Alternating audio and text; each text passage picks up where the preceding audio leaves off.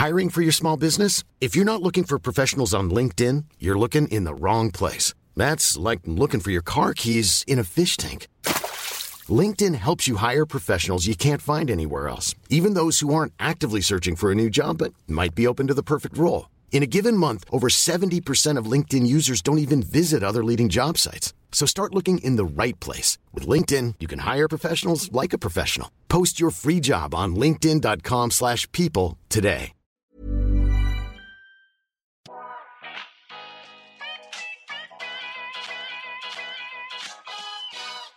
Välkommen till En timme med där jag, Sanja Tigeltia, träffar människor som inspirerar mig, som berättar om sina karriärresor, pratar självutveckling och hur de har kommit dit de är idag. I dagens avsnitt så träffar jag Adeline Sterner. Hon har nyligen tagit sig an rollen som VD på Kaja. Och vi går in på hennes sjukt spännande karriärresa men också entreprenörsresa. Vi går in på vad som driver henne och hur hon ser på att bygga en bra organisation. Vad som gör en bra ledare. Men också lärdomar som hon har tagit med sig av sin entreprenörsresa, sin tidigare karriär och eh, hennes drömmar och visioner både för sig själv men också för Kaja framåt. Hej Adeline! Hej! Så glad att ha dig här.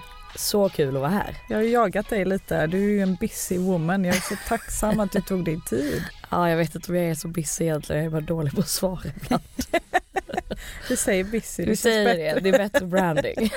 Men eh, du har så sjukt spännande eh, liksom karriärresa, entreprenörsbakgrund och utan att det ska bli såklart CV-uppläsning. Men kan du inte bara berätta lite om liksom, hur resan har sett ut? Ja men jag är väl lite av en mångsysslare kan man ju säga. Ja. Eh, jag, jag ville bli pilot när jag var liten. Mm. Så det var min barndomsdröm. Så jag pluggade till det. Eh, och blev färdig där i liksom, den här förra finanskrisen 2008. Så det var ganska svårt att få flygjobb. Så antingen skulle man börja jobba som flyglärare och det kände jag ju bara, jag kan ju ingenting. Så vad ska jag lära ut? eh, och eh, sen så, eh, eller ja, andra alternativet var att jobba på Ryanair. Men eh, de var ju så pass fräcka Ryanair att du får betala din egen typutbildning, alltså på det planet du ska flyga. Va? Ja och det kostade ju då, säkert mycket dyrare nu, en halv miljon. Eh, Oj. Men man kunde ju säkert få något förmånligt Ryanair-lån, jag har ingen aning.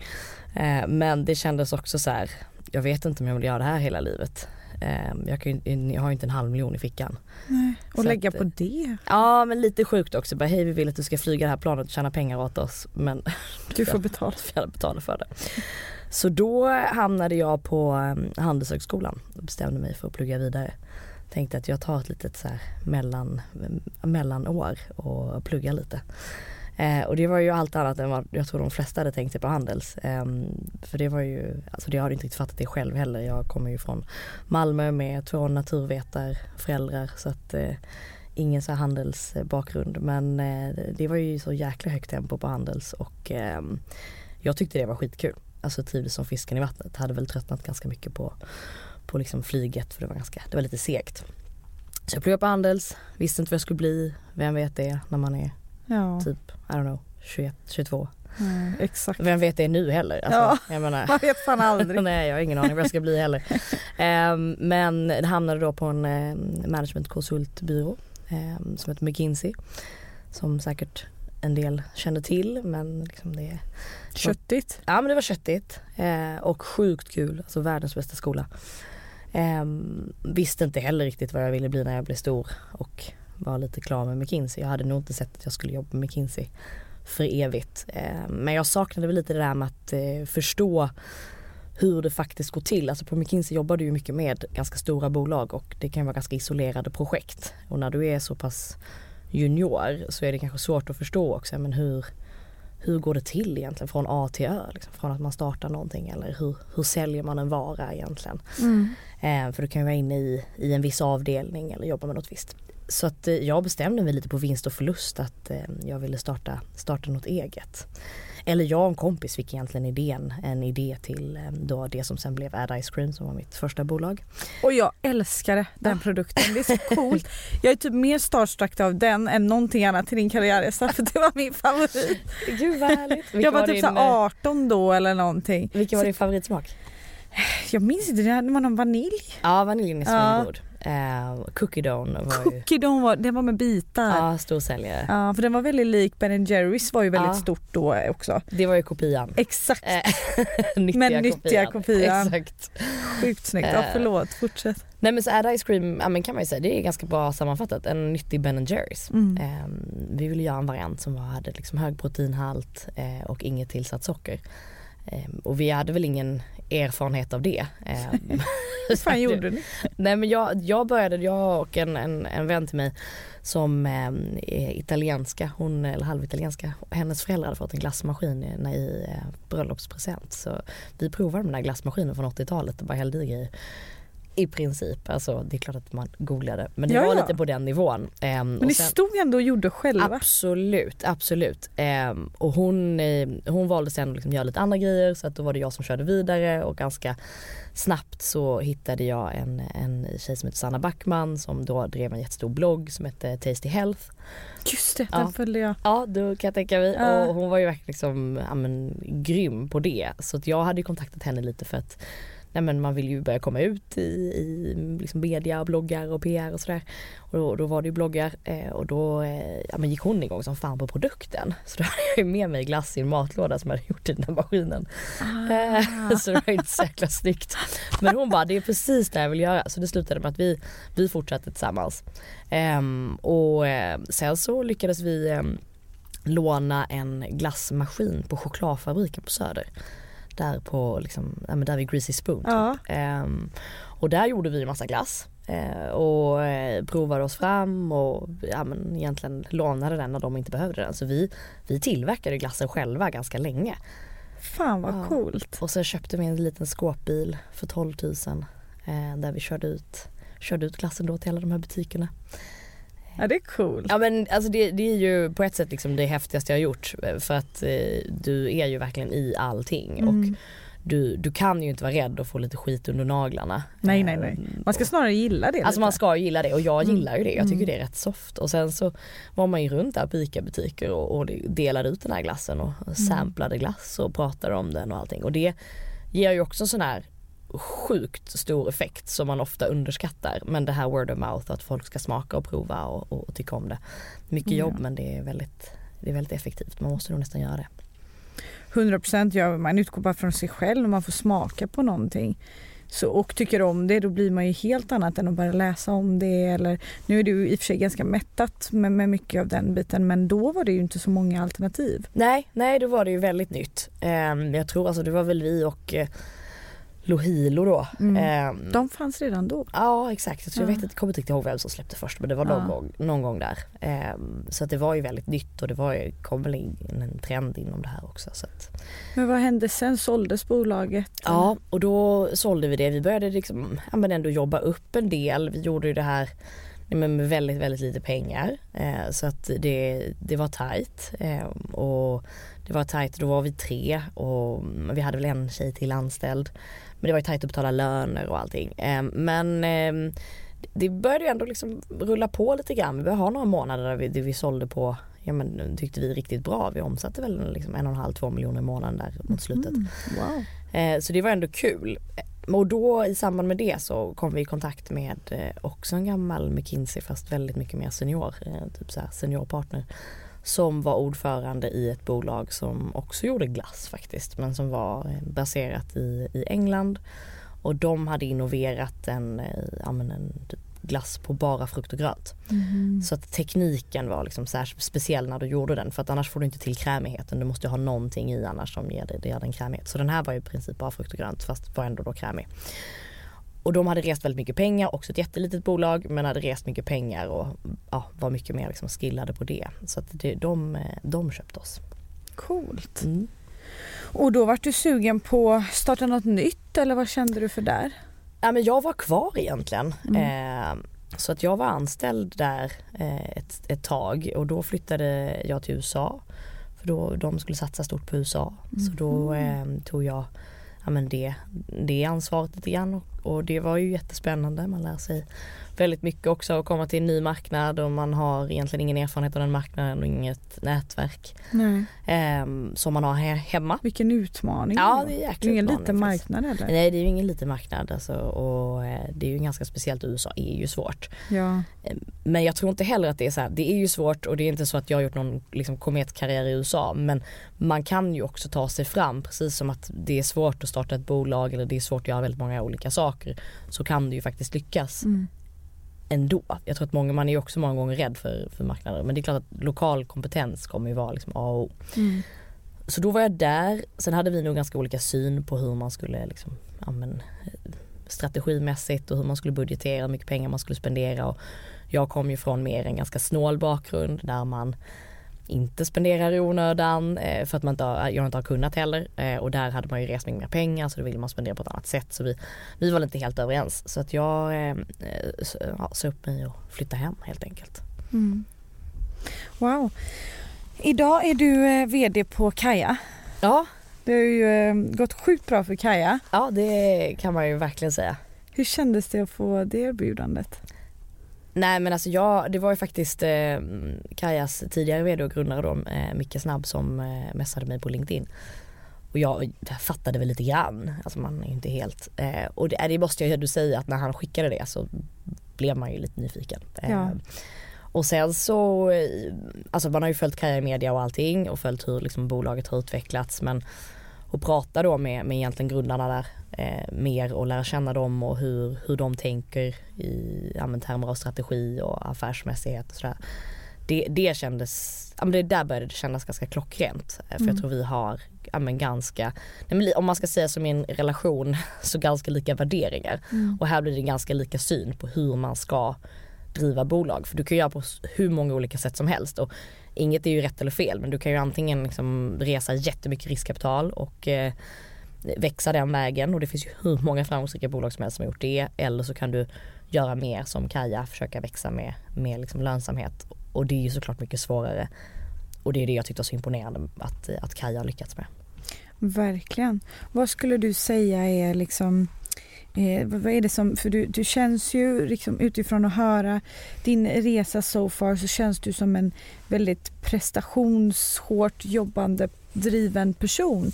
Vad är det som driver dig till att nå, liksom, köra i på med Handels, tycka det är roligt och sedan McKinsey som är känd för att vara ganska köttigt och, och, och den här driva bolag och, och nu då Kaja. Vad, vad är dina drivkrafter? Alltså jag tror den största delen är faktiskt att jag är så jäkla nyfiken. Mm. Alltså jag skulle verkligen vilja ha typ hur många karriärer som helst. Alltså tänk att få typ vara arkitekt, eh, så här, programmerare. Alltså jag skulle kunna tänka mig att göra det mesta. Jag tror att jag tycker det mesta är ganska kul. Om Ja. jag får lära mig. Har du alltid tyckt Har du haft föräldrar som har pushat dig till det eller hur, hur har det sett ut? Nej men jag tror jag nog alltid varit ganska driven så här, i mig själv för att jag har varit ganska nyfiken. Mm. Och att jag tycker att det är, ja men jag är inte så jättebra på att sitta still. Eh, så att det är kul att göra någonting. Men jag har definitivt blivit mer så med åren. Jag tycker när jag var yngre så, så kunde man höra om vissa som säger, ja men jag har så himla många idéer och, och jag tyckte att jag hade inga idéer alls. Nej alltså det, jag inte- sitter inte med någon bank av idéer. Och då tänkte jag att nej men jag kan ju inte bli entreprenör eller något sånt där för jag har inga idéer. Eh, men jag tror att liksom det här drivet föder väl driv precis som att idéer föder idéer. Så Mm. jag tror att jag har blivit ännu mer nyfiken och ännu mer driven. Lite för att jag kanske är in motion och lite alltid har varit. Sen gäller det att hitta balans också. Men, eh, men jag, tror, jag tror att jag har blivit nästan ännu, alltså mer och mer. Och sen så mindre driven av saker som jag kanske var driven av när jag var yngre. Eh, alltså mer ego och prestige, de delarna som jag tror alla har till, till liksom viss del, eller alla har ju det. Det minskar ju också väldigt mycket med åren. Ja, vilket Vilket är ju Fantastiskt. fantastiskt skönt. Och det blir ju också mycket lättare att veta vad du faktiskt är intresserad av och varför du tycker det är kul. Och det brukar ju oftast bottna i vad kan jag bidra med eh, och när känner jag att jag har någon form av flow. Mm. Eh, när du kan liksom koppla bort lite så här vad skulle alla tycka och varför ska jag göra det här? Och, Och för vem gör man vad? Och... exakt. Det är ju verkligen så. Men, men eh, vad tror du att du kan bidra med? För att vi hade ju en intressant dialog du och jag på hur, hur du ser på att bygga en bra organisation. Liksom, vad, vad tror du är viktigt för att bygga en bra organisation? Eh, nej men det är ju mycket det, alltså det vi gör nu på Kaja och även liksom mycket varför jag kommit in för, eftersom att vi växer och bygga liksom kommunikation mellan teamen och mm. tydliggöra vår strategi och att alla ska veta liksom lite vart vi ska någonstans. Eh, och men jag tror ju den här transparensen och kommunikationen är jätteviktig och att man, nej man lite lägger sig på samma nivå som alla andra. Jag tror många hade förväntningar när jag kom in att jag skulle komma in med någon så extern masterplan att så nu är det den här strategin som gäller, nu är det jag som är VD. Alltså lite för att man kanske har den bilden av en VD. Exakt. Medan för mig handlar det mycket om att komma in och lyssna eh, och förstå hur funkar saker idag, vad kan jag faktiskt bidra med, hur kan, hur kan jag bidra till att göra det här bättre och, och komma in och vara ganska prestigelös. Och det tror jag är viktigt när man bygger organisation för då kommer det inte från att jag vill att det här organisationsträdet ska se ut på ett visst sätt för att I don't know, jag vill att liksom bara folk med C-titlar ska rapportera till mig eller vad det nu kan mm, vara, jag vet mm. inte. Eh, utan mer eh, ja, men vara ganska inlyssnande, inkännande för det är ju olika beroende på var man är någonstans. För det kommer också mycket lättare när du väl gör vissa organisationsförändringar. Att men jag gör inte det här för att eh, det är kul att göra förändring eller jag gör ju det här för att eh, det, när man är liksom ganska prestigelös själv så blir det lättare också att förstå. Verkligen. Men, eh, men är, det, är det samtidigt, vad, vad känner du är liksom viktiga egenskaper som du behöver ha eller som man behöver ha för att lösa en sån här vd-position? Är det för alla? Nej det tror jag inte. Nej. Eh, nej nej, alltså jag tror att det, de allra flesta skulle tycka att det här typ jobbet suger. Alltså to be honest. Jag tror att det finns alldeles för mycket så, prestige i vd-positioner ja. eller entreprenörer eller eh, rockstjärnor eller what have you. Alltså jag har inte blivit vd för att jag vill bli vd. Jag har blivit vd för att det typ råkar passa min personlighet. Ja. Alltså verkligen så. Eh, och, och det märker jag ganska mycket när det är nej men om man pratar med någon som är, är yngre, om det är så ah, men jag, jag vill verkligen liksom nå dit du vill nå och, och då, det, då börjar man ju ställa frågan liksom, men varför och vad är det som är viktigt och vad är det du går igång på. Eh, och många gånger kanske man går igång på liksom, ja, föreställningen av vad en VD är. Exakt att nej men då, då har jag liksom nått någon form av topp. Liksom. Eh, det känns väldigt vanligt. Och det är kanske då som du sa man agerar utifrån sitt ego eller perspekt eh, prestation, alltså bevisa något för andra och sådär. Då kanske man inte genuint utgår från organisationen eller vad som behövs utan att man kommer in med en tydlig plan utifrån, och inte utifrån vad organisationen behöver kanske. Nej men det tror jag absolut. Alltså jag, jag, jag ser mig, mig själv som eh, ja, men, typ en supportfunktion. Mm. Eh, alltså det, mm. det, det om, alltså jag kan ju egentligen ingenting. Eh, utan alla liksom, i mitt team, det är ju de som kan någonting. Jag kan ju egentligen ingenting. Alltså jag bidrar inte med så mycket. Eh, jag ska ju bara se till att de pratar med varandra och att alla vet vart vi ska och att folk mår bra och att vi jag ska ju bara ha det här helikopterperspektivet. Mm. Så jag är ju egentligen mer av en supportfunktion. Ju mindre jag har att göra desto bättre går det oftast. Så har det varit historiskt i alla fall. Mm. Jag var ju VD på eh, Kids Brand Store innan Kaja. Mm. Och, och, det tycker jag har varit ganska tydligt att ju mindre jag haft att göra desto bättre har det gått rent ja, för bolaget. Och då är det viktigt kan jag tänka mig att ha experter runt om sig i ledningsgruppen. Ja men absolut. Och det är precis som att bygga bolag, det finns liksom hur många sätt som helst att vara VD på. Men jag som person, jag gillar ju inte att vara micromanaging till exempel i alla detaljer överallt. Det går inte. Nej. Eh, utan jag vill jobba med folk som jag känner att men, jag litar på dig, jag vet att du har koll. Sen måste jag ju självklart ha koll på det stora hela och vart ska vi, vad har vi för kopior och varför och så vidare. Men jag har mycket lättare för att om det inte funkar sig med en avdelning eller en person eller någonting så har jag lättare, även om det är jäkligt tufft, så har jag lättare för att men, vi måste bryta här än att ta på mig och göra den personens jobb också. Mm. Och det tror jag blir alltså, i takt med att du växer och det kan vara liksom en entreprenör som ja, men, är van vid att göra allting själv, för jag har också gjort allting själv. Ehm, mm. Um, så tar man hellre, anställer man någon, funkar inte. Och istället för att kanske ge den feedbacken eller försöka göra någonting åt det eller kanske i värsta fall då bryta. så löser man problemen själv och det kommer ju gå till en viss del men sen kommer det inte gå att skala mer. Nej, nej, nej, om man inte vågar släppa, precis. Nej. Men vad, vad, eh, vad är din take på, på ledarskap? Eh, Du sa där att man inte liksom, du, du i alla fall inte är för att micromanagera och att det liksom att det gäller att ha bra team och experter runt om sig som gör sitt jobb. Men vad tycker du utgör liksom en bra ledare? Jag tror en väldigt underskattad sak som bra ledare är att lyssna. Mm. Um, ja, alltså, jag tror att den, det är väldigt vanligt det här med att en ledare är extrovert, står på scen, eh, syns mycket. Och då blir det väldigt vanligt att det är eh, folk som ja, men, gillar uppmärksamhet och jag ska inte säga någonting om det för jag är också extrovert. och Jag kan prata på hur mycket som helst. Jag har nog blivit bättre med åren och mycket, mycket mer inlyssnande. Men det som har utvecklat mig bäst, alltså hur jag har blivit en bättre ledare, det är att lyssna. Um, för det har ju också gjort att jag har utvecklat en ja, men, ganska bra känsla för att snabbt snappa upp i ja, men, hur funkar den här dynamiken och hur mår den här personen egentligen. Sen är det inte så att jag alltid har rätt i det men jag har blivit hyfsat duktig på det vilket gör att det är lättare att förstå en situation. Eh, men att bara sitta och lyssna eh, tror jag mycket på. Det har jag ju lagt, nu är jag fortfarande ganska ny på Kaja men det la jag ju mest tid på min första månad. Mm. Sitta med folk liksom one on one och, och höra deras story.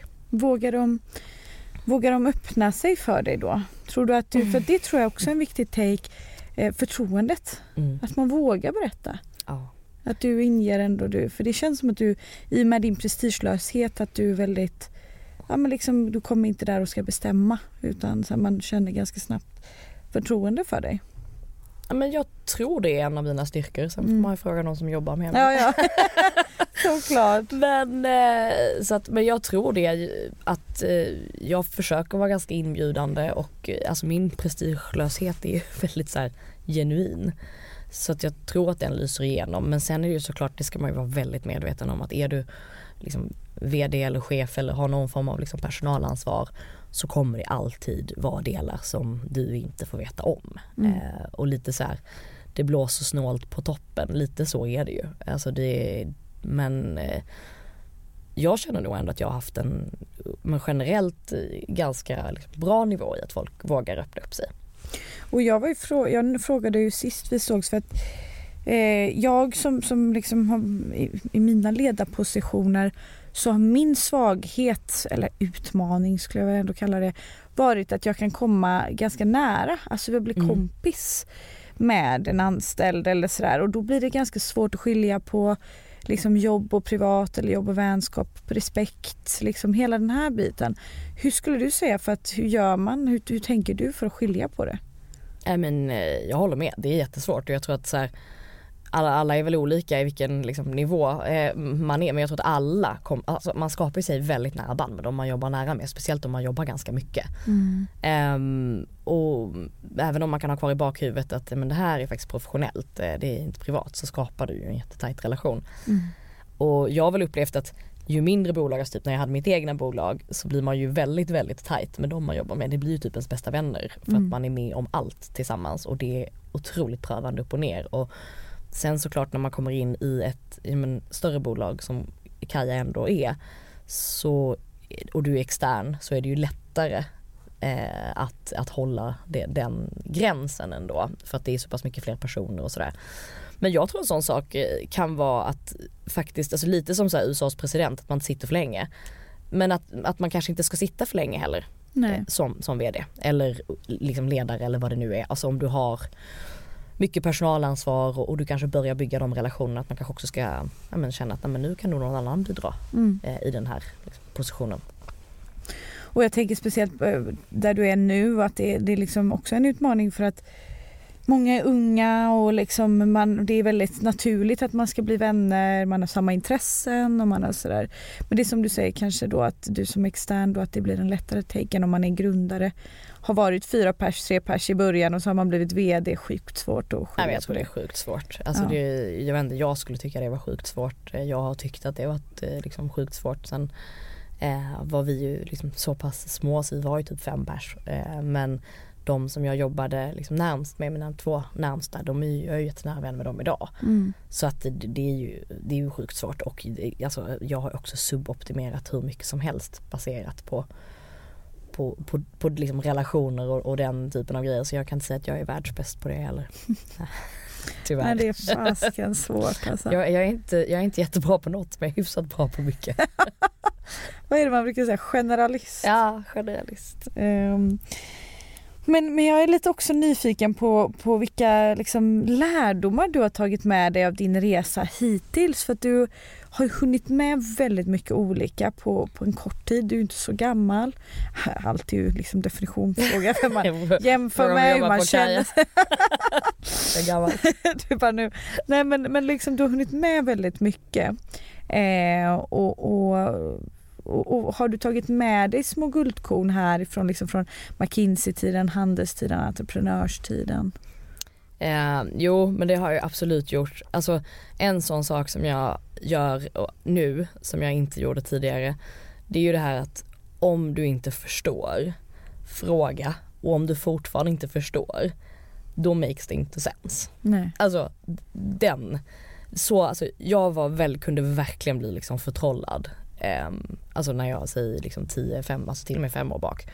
När ja, men någon hade ett sjukt häftigt CV eller kunde prata på ett sjukt häftigt sätt eller ja, vad det nu kunde vara. Uh, och tänka att ah, men den här personen kan allt. För jag är så optimistiskt lagd generellt. Eh, så att jag kan bli, alltså om någon kan berätta om en affärsidé så kan jag bli så ah det här är så jäkla coolt. Medan du har någon som är mer i, jag nu lät det så negativt så pessimistiskt lagd, men någon som är lite mer så eftertänksam och bara hmm, men hur har man tänkt här och jag är ju mer, det här är skitcoolt, vi måste köra nu. Um, och då blir det också den här tendensen att man eh, lite, ja men kanske blir lite lättimponerad av lite olika saker.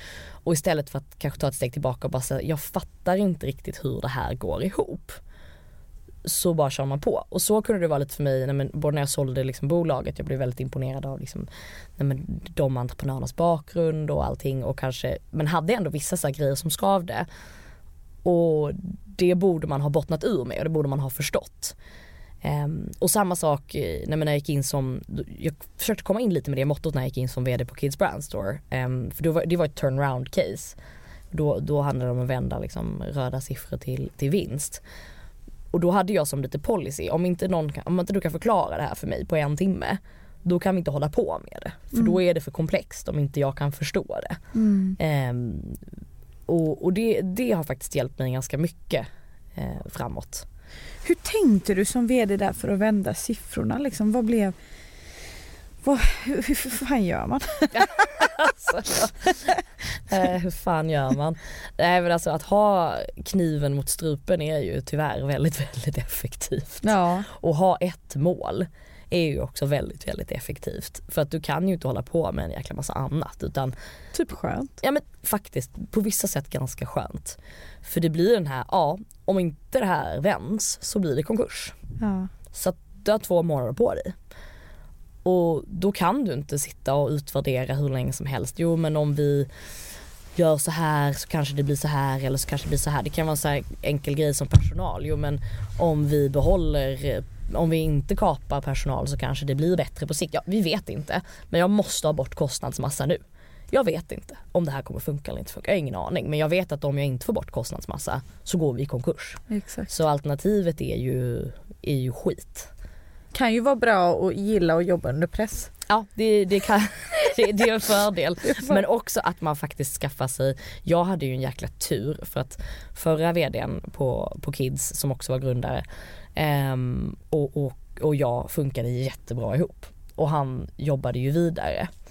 Så att vi blev ett jättetajt team och sen även liksom med, med CFO och vi gjorde, vi, det var ju mycket vi tre som satt med det här så att, att göra det själv, det vet fan alltså. Jag, vet inte, jag har nog inte den, jag kan nog inte klara den pressen. Oh, Men att göra det med ett, alltså ett team där man bara säger vi vet att vi ska dit, det kommer vara liksom kämpigt but let's fucking do it. Uh. Det är en helt annan grej för du har någon som lyfter dig när du själv bara så här, orkar inte mer och du kan lyfta någon när den inte känner för det heller.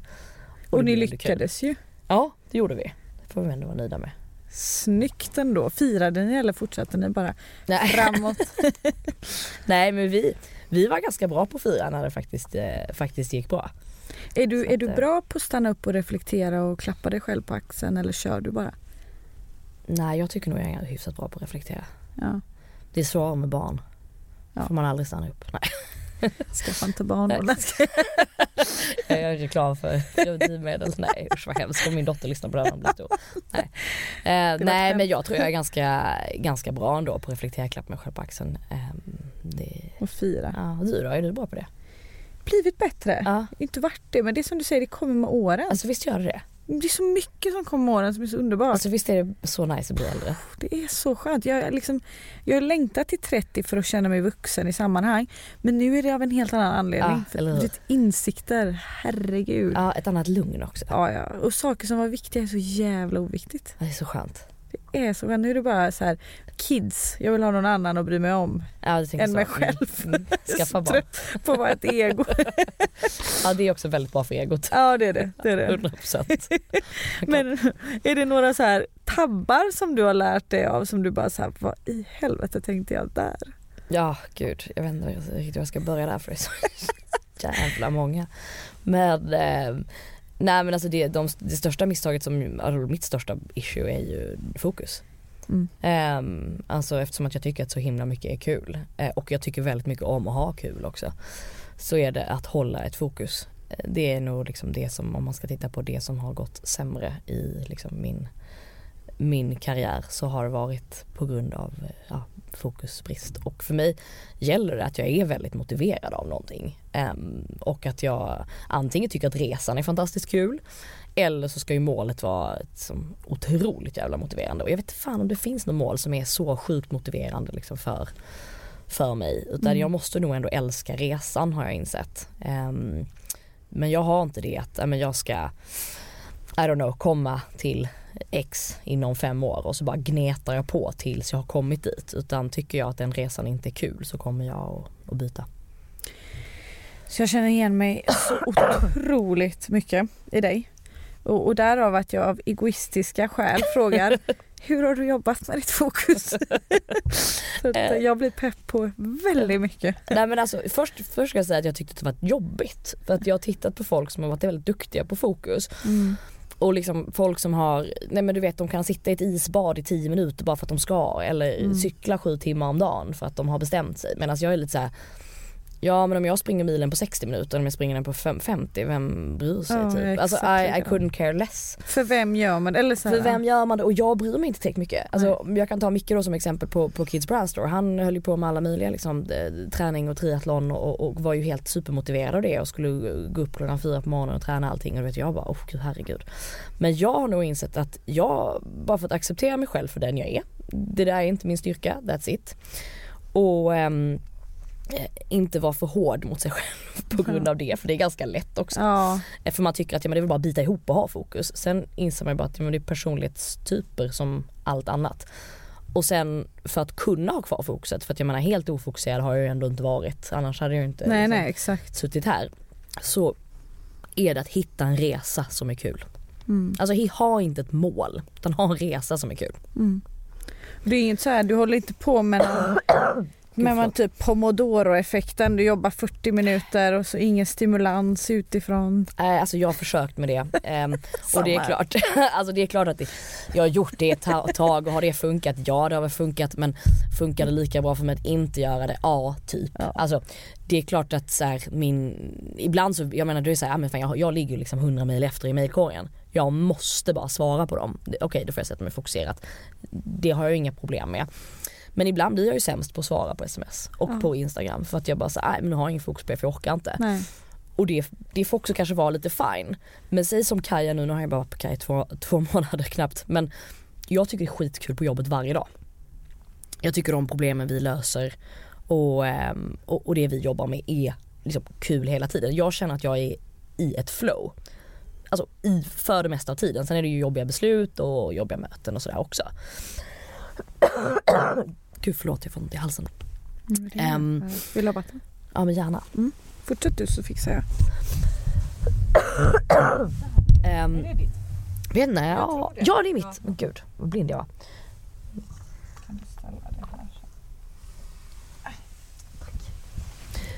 Nej men jag, alltså så här, som sagt, jag tycker att det är, det är kul varje dag och det kände jag faktiskt på Kids Brand Store också.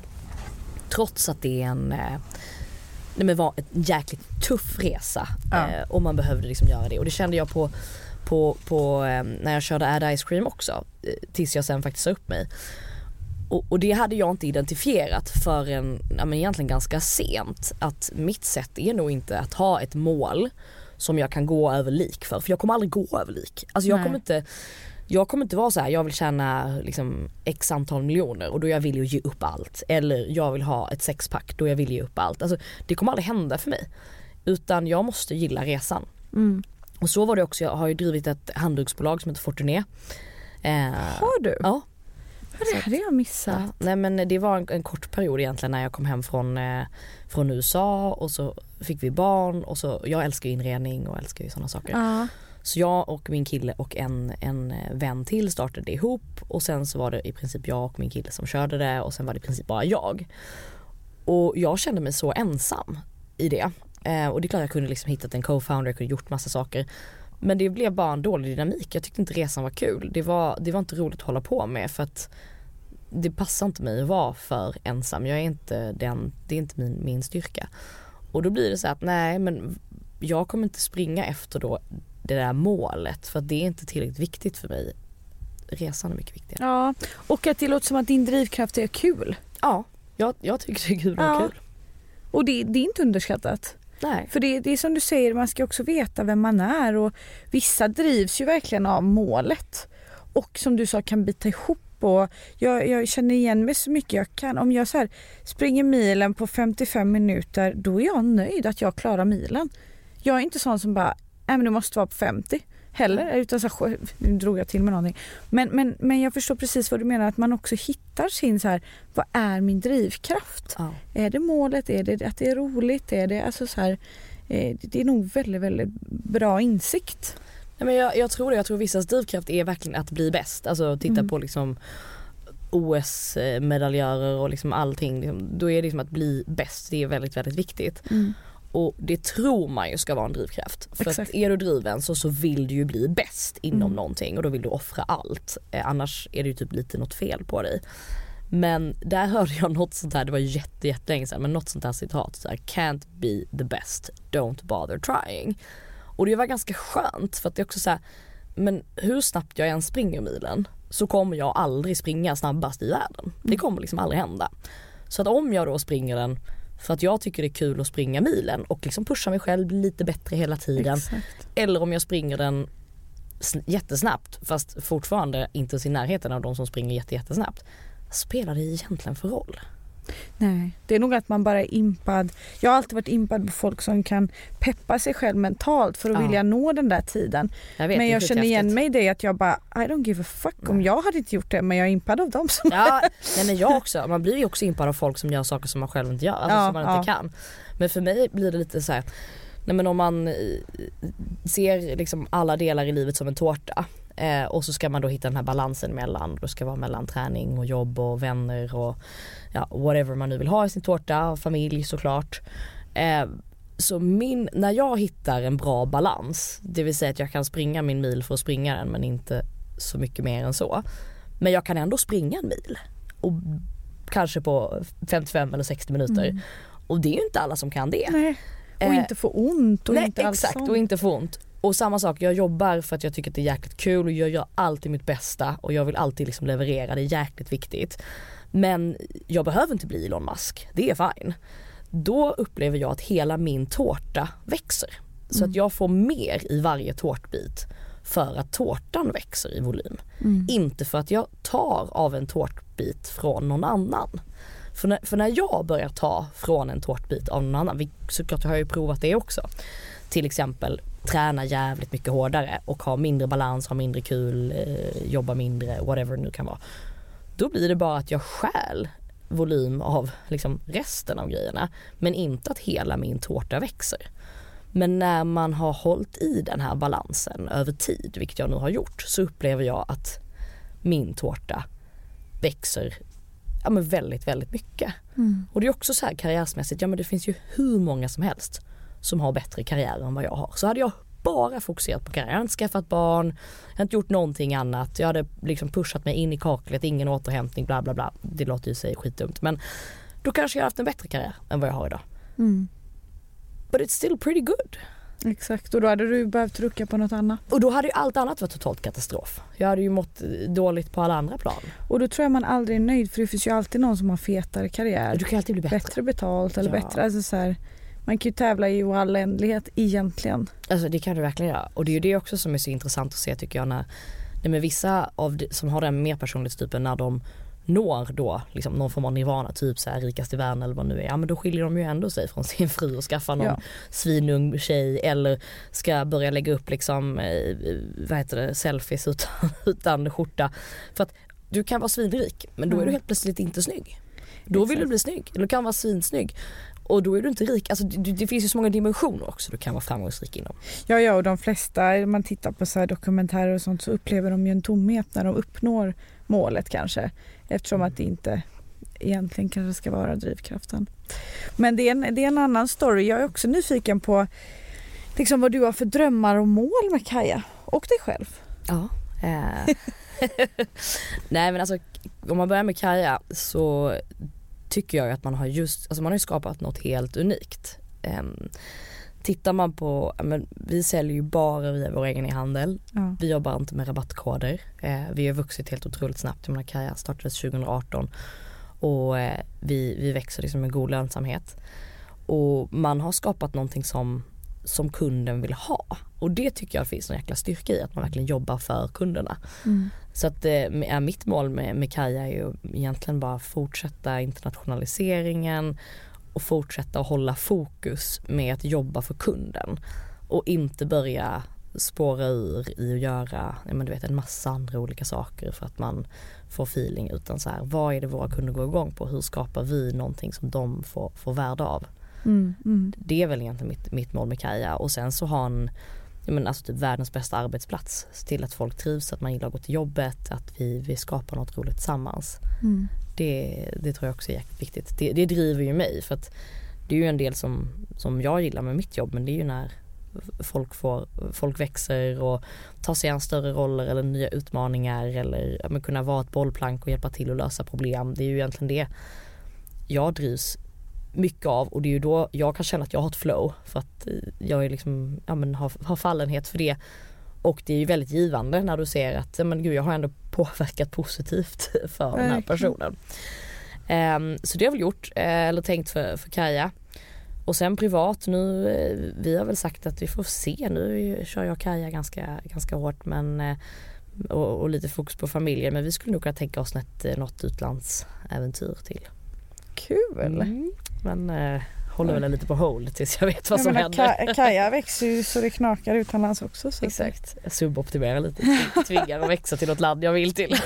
ja precis, pinpoint. Jag tror på den här marknaden. Gärna klimatet exotiskt. Har du några mål då? Eh, ja men jag är väldigt sugen på att göra någonting utomlands. Ja. Vad vill Jag, du? jag vet inte, jag vill gärna, jag dri- drivs, jag, jag mår jättebra av ett lite varmare klimat. Ja det gör jag också. Eh, jag blir så faktiskt med den och jag hatar att erkänna det för jag tror att det sitter så mycket i hjärnan eller huvudet mentalt men jag, jag mår bättre. Men har du upplevt att det har blivit eh, liksom, vad ska man säga, värre ju äldre du har blivit? Ja, Ja det har jag också gjort. Alltså för livet var lite mer. gladare på enklare sätt innan. Ja. Men nu är det så här, jag lyckas liksom inte få upp energin som jag kunde då trots att det var riktigt grått varje dag. Ja. Nu är jag så här, jag måste hem och bara lägga mig idag. Ja. Det är fredag, jag vill egentligen göra något jävligt kul. Men min själ bara hem. Och det är ju sex månader om året i Sverige så det är lite Men så utomlands, men också att vi lever en gång. Varför Mm. inte? Det är så här. Ja jag tror att vi är väldigt lika. Ja det låter som det. Vi får flytta till samma ställe. Jag tror det. Add ice cream part two. Exakt, 100 procent. Men eh, bara för att summera så hade jag velat ställa en fråga kring vad du hade sagt till ditt yngre jag, ditt eh, 20-åriga hungriga jag idag när du har gjort liksom den här resan so far. Men jag fick ett råd som jag faktiskt tog åt mig av som jag tyckte var väldigt, väldigt bra så jag ska ta cred för det. Jag vet inte vad jag ska få cred för det men om man ska tänka rent så här karriärsmässigt så använd dina liksom 20 till 30 för att lära dig. Alltså var öppen för att verkligen lära dig. Alltså du kommer bli senior, du kom, det kommer gå bra för dig. Det, det är liksom inga konstigheter. Men använd den tiden till att jobba med liksom riktigt bra personer, lära dig, det kan vara genom att starta eget. Jag har aldrig lärt mig så mycket som när jag startade någonting eget. Alltså, så det, det ska jag inte sticka under stol med. Men ta verkligen den tiden till att göra det. Ehm, så att, och även när du, när du liksom jobbar och karriärsmässigt fokusera på att lösa andras problem. Det kan vara om du startar ett bolag. Vad är det egentligen för problem du vill lösa och för vem? Det kan vara i, en, alltså i ett jobb. Vem är din chef? Vad har den personen för problem? Nej men den personen är stressad varje dag för att den ska hämta på förskolan. Hur kan du se till att du löser den personens problem? För du kommer bli den mest ovärdeliga personen någonsin. Mm. Du kommer kunna bygga dig en sån jäkla bas bara du löser andras problem. Och det är så himla enkelt. Mm. För det tänker man många gånger inte på. Och så är det lätt att hamna i lite den här spiralen att eh, nej men eh, jag tycker det här är jobbigt eller jag känner mig pressad eller det här är Man bara men bara lös andras problem, använd tiden till att lära dig så kommer du, alltså, då kommer du ha sån bas hela livet. Ja, sjukt bra tips. Jag tror att som du sa, många har väldigt bråttom att bli seniora. Väldigt men varför? Bråttom. Det är ja. egentligen resan väldigt som är jävligt kul. Och det är jättedumt för att det du missar i jakten för att liksom försöka få kalla dig senior, det kan vara en titel, det kan vara ansvar som du inte kommer klara av, det kan vara vad som helst. Du missar ju då att lägga den tiden på att lära dig. Du missar den tiden på att ha kul, lära dig för att det är roligt. Um, och du blir istället nej men lite så här, det blir mycket prestige, eh, du blir irriterad för att du inte tycker att du har titeln eller lönen eller vad det nu är för att, som du förtjänar. Mm. Trots att du många gånger ganska, har ganska lite erfarenhet. Och sen jämför man sig med andra och då är det så här, ja men när hon var 25 så hade hon startat det här bolaget och var mångmiljonär och då vill jag också vara det. Mm. Och det är ju också så farligt. Det är livsfarligt och jag känner igen mig, det var så här, med samma med hästen så att jag njöt ju så mycket av resan och lärandet. Sen när man börjar få liksom seniorroll och ansvar och sådär då slocknade min liksom, låga allt mer och ja. mer. Nu när jag är egen igen då gör jag ju det jag tycker är kul. Får skit under naglarna, gör PR, hard work liksom. Jag, ja. jag gillar inte the fancy titelgrejen men jag trodde det då. Ja. Så det, det, det, är det som är så intressant att så här, under resans gång, man tror att man vill uppnå något men när man kanske når det så inser man så här, som du sa, vad är det som är kul? Ja. Vad drivs jag av? För mig var det ju att göra det grovarbetet. Ja. Inte liksom sitta i ledningsgruppsmöten och det dödar mig. Ja. Men, men, man vet ju, man tror ju att det är så glorifierat och liksom, man lyfter ju den typen av grejer i media och social media och sådär så jag förstår att folk strävar efter det men det är synd. Nej men det, det är faktiskt jättesynd för att det är också väldigt mycket varför jag är som jag är. För att jag tycker det är kul och absolut få skit under naglarna men också en du vet, soft stämning på jobbet. Ah. Jag tycker inte det är kul att gå runt och vara typ chef. Nej du kommer um, inte i kostymen på måndag. Nej jag kommer inte i kostymen på måndag. jag tycker inte det är kul och alltså vi pratade lite på jobbet idag om så här, auktoritet och eh, de här delarna. Jag tycker inte det är kul att utöva auktoritet, jag tycker inte det är kul att bli utövad på. Alltså, nej, nej. Jag, jag, jag gillar inte det för att då kommer man verkligen tillbaka till vad är, det, vad är det som egentligen är roligt och det tror jag många missar för man tror att det här, nej men jag vill vara en ledare eller jag vill vara chef, att det ska ge något särskilt. Mm. Men många gånger är ju, kan ju det vara liksom ganska mycket tuffa beslut och sådana delar också. Um, och som och, du sa, varför? Varför, ja. Och målet vara, jag tror att så här, jag vill bli ledare, ja, men alltså, då måste man säga varför det. Jag tror att de som blir riktigt duktiga ledare det är bara för att de råkar ha fallenhet för det. Mm. Och livet då har, tar en lite den vägen. Eh, det är ju klart som fan att man kan ha du vet, ett mål, alltså jag vill, jag vill leda för att jag känner att jag har fallenhet för det och så ska jag hitta en väg dit. Självklart så känner man nog det ganska tidigt. Men när man säger inte har kanske de egenskaperna men man har fått för sig att det är det jag ska göra för att det är det samhället säger åt mig att jag ska göra då blir det ju bara pannkaka. Mm. Mm. Ja du har så rätt. Eh, hur hittar man till dig om man är nyfiken? Det är klart du inte har tid att bli nedspammad men om man är lite nyfiken är du sån som uppdaterar social media? Ja, det går i perioder. men man kan skriva till mig på Instagram. Ja. det kan man göra. Vad heter du på Instagram? Eh, Adeline Sterner. Mm. Eh, och sen kan man mejla mig också på adeline.kajakosmetics.com om man vill. Letar ni ofta talanger eller är det många som hör av sig och vill jobba för det nu för Nej, men det är ganska många vilket är så kul. Eh, alltså det, det är verkligen så här: wow, jättelyxigt. Men eh, vi letar ju också så det är ganska bra match. Det är väldigt lyxigt. Och en, en helt oförberedd fråga, jag brukar ju missa att förbereda mina gäster på den här, men det blir ganska kul. Eh, vem hade du velat höra i podden? Någon som inspirerar dig, någon som du är nyfiken på eller tycker du har gjort en cool resa eller har roliga insikter? Helt random, Ehm, upp eller liksom högt oh. eller lågt. Nej men eh, det är ju i sig, det är ju många liksom men eh, jag hade tyckt det var spännande, nu är ju det en väldigt nära vän till mig men att höra Johanna Andersson som är VD på Totem. Ah, snyggt. Det är nog ett bolag som många är nyfikna på. Verkligen. Också går bra. Kanske nyttjar en liten favor här. Mom deserves the best, and there's no better place to shop for Mother's Day than Whole Foods Market. They're your destination for unbeatable savings, from premium gifts to show-stopping flowers and irresistible desserts. Start by saving 33% with Prime on all body care and candles. Then get a 15-stem bunch of tulips for just $9.99 each with Prime. Round out Mom's menu with festive rosé, irresistible berry chantilly cake, and more special treats. Come celebrate Mother's Day at Whole Foods Market. Planning for your next trip? Elevate your travel style with Quince. Quince has all the jet setting essentials you'll want for your next getaway, like European linen, premium luggage options, buttery soft Italian leather bags, and so much more. And is all priced at 50 to 80% less than similar brands. Plus, Quince only works with factories that use safe and ethical manufacturing practices. Pack your bags with high-quality essentials you'll be wearing for vacations to come with Quince. Go to quince.com slash pack for free shipping and 365-day returns. Tack snälla du. Tack ska du ha.